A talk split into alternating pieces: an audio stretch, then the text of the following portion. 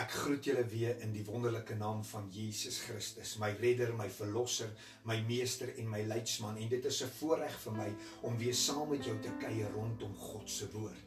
En vandag wil ek met jou praat rondom die gedagte van vergewe. Vergewe. Ons gaan saam lees uit die woord van die Here uit Matteus die 6de hoofstuk vanaf die 9de tot en met die 15de vers. Wat verklaar? So moet julle dan bid. Onse Vader wat in die hemel is, laat U naam geheilig word. Laat U koninkryk kom, laat U wil geskied soos in die hemel, net so ook op die aarde. Gee ons vandag ons daaglikse brood en vergewe ons ons skulde. En vergewe ons ons skulde, soos ons ook ons skuldenaars vergewe, soos ons ook ons skuldenaars vergewe. En lei ons nie in versoeking nie, maar verlos ons van die bose, want aan U behoort die koninkryk en die krag en die heerlikheid tot in ewigheid. Amen. Want as julle mense hulle oortredinge vergewe, sal julle hemelse Vader julle ook vergewe. Maar as julle die mense hulle oortredinge nie vergewe nie, sal julle Vader julle oortredinge ook nie vergewe nie. Tot sover mag die Here hierdie woord seën. Vergifnis, vergewe, waarvan praat dit? Vergewe spreek van vergifnis. Met ander woorde die vergewing of die uitwissing. Wat my laat dink aan die feit dat wanneer jy met 'n potlood skryf en jy 'n uitveer vat en jy van dit ontslaa raak deur dit uit te vee, uitwissing, daar bly niks meer oor nie. Dit spreek ook van kwytskelding. Met ander woorde om geen betaling te eis nie. Jy mag dalk vandag sit met 'n groot finansiële las. Vergifnis sê die volgende: Ek kom na jou toe en ek sê vir jou, ek vat al jou skuld, al jou finansiële las wat jy het en ek maak dit tot niet. Ek eis van jou geen betaling verder meer nie. Vergewe by homself spreek van om oor die hoof te sien. Dink bietjie terug aan jou kinderdae. Dink dalk aan 'n geval by die werk waar jy dalk droog gemaak het en hierdie woorde oor jou lewe gespreek is. Hierdie keer gaan ek jou oor die hoof sien. Dit spreek van uitwis, met ander woorde heeltemal tot niet maak. Dit bestaan nie meer nie. Dit beteken verder ook om uit die geheue te laat verdwyn. Hoor wat sê die woord van die Here in Jesaja 43 vers 25. Ek ek is dit wat jou oortredinge uitdelg om my ontwil. En aan jou sondes dink ek nie. Psalm 103 vers 10. Hy handel met ons nie na ons sondes en vergeld ons nie na ons ongeregtighede nie. 103 vers 12. So ver as die ooste verwyder is van die weste, so ver verwyder hy ons oortredinge van ons. Kan jy die einde van die ooste sien? Nee. Kan jy die einde van die weste sien? Nee. En God kom sê vandag vir jou en vir my, so ver verwyder hy ons oortredinge van ons.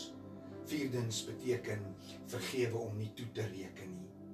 Met ander woorde om dit nie langer teen jou te hou nie om volle genesing en restaurasie te ontvang vir jou hele lewe, moet jy kan vergewe.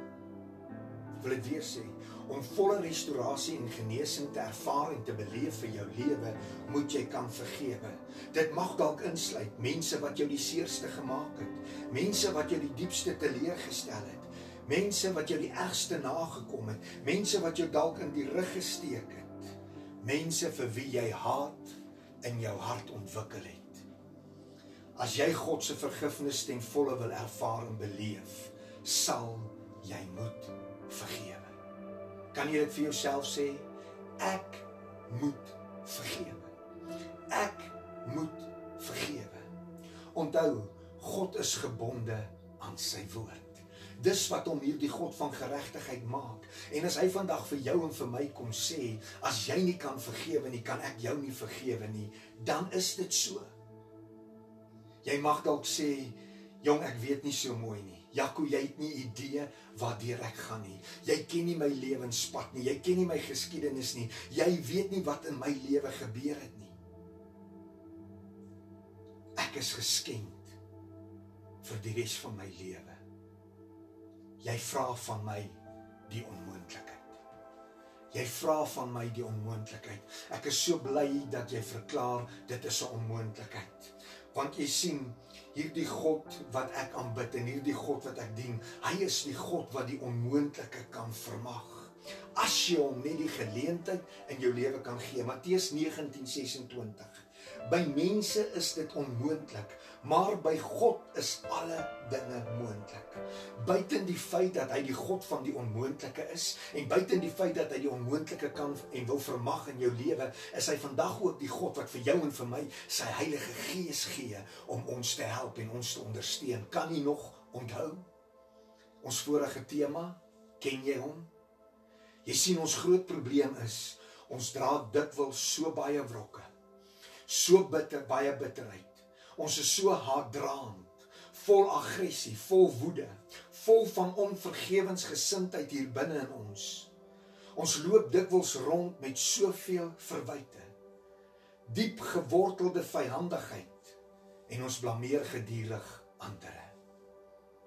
Jy weet as dit nie vir vir vir vir hom of vir haar was nie.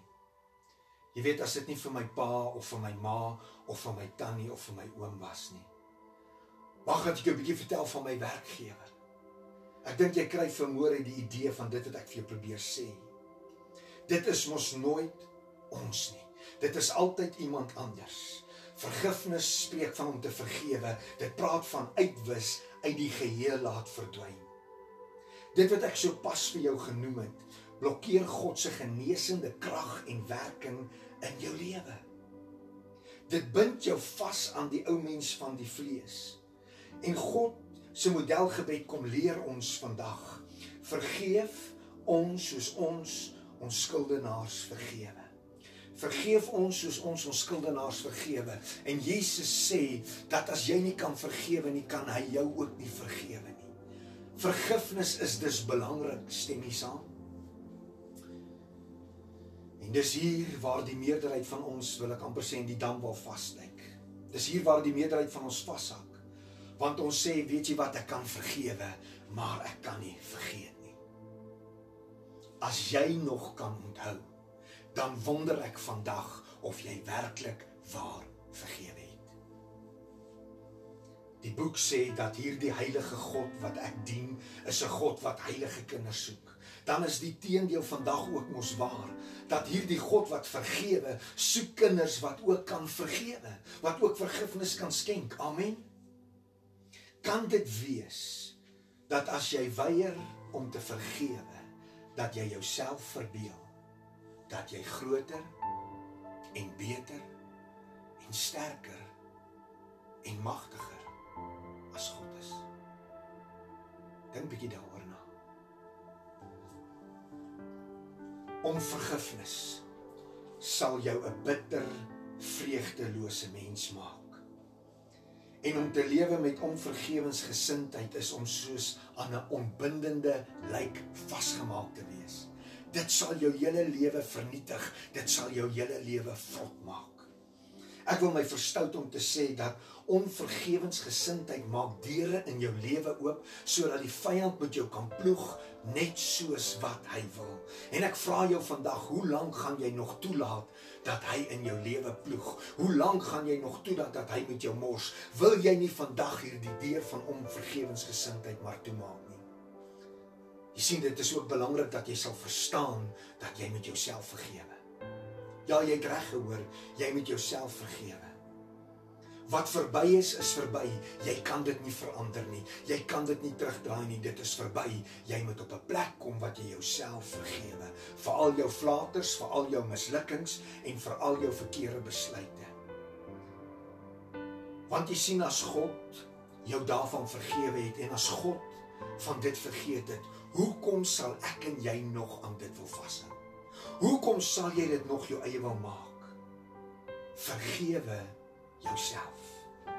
Laastens jy moet met God vrede maak. Oor al die bewuste en die onbewuste verwyte vir die teleurstellings, vir die bitterheid, vir die woede, vir die wrokke wat jy moontlik teenoor hom het. Kom ek verduidelik. Klink die volgende vir jou bekend? Here, hoekom het U dit nou weer toegelaat? Here, hoekom doen U dit nou weer aan my? Here, wat het ek verkeerd gedoen? Praat met hom daaroor. Noem dit op die naam. Wees eerlik met hom. Hy ken in elk geval jou hart. Hy weet alles van jou. Hy het jou gemaak. Hy het jou geformeer. En hy is vandag groot genoeg dat jy reguit en eerlik met hom kan praat. God het jou vergewe. Vergewe hulle wat skade aan jou gedoen het. Vergewe jouself. Moenie toelaat dat onvergewensgesindheid jou langer van jou lewensvreugde beroof nie. Moenie toelaat dat onvergewensgesindheid jou langer van jou lewensvreugde beroof nie. Vra sy Heilige Gees En mag die Here jou seën. Mag dit bewe waar jy lewe en onthou God het jou oneindig lief.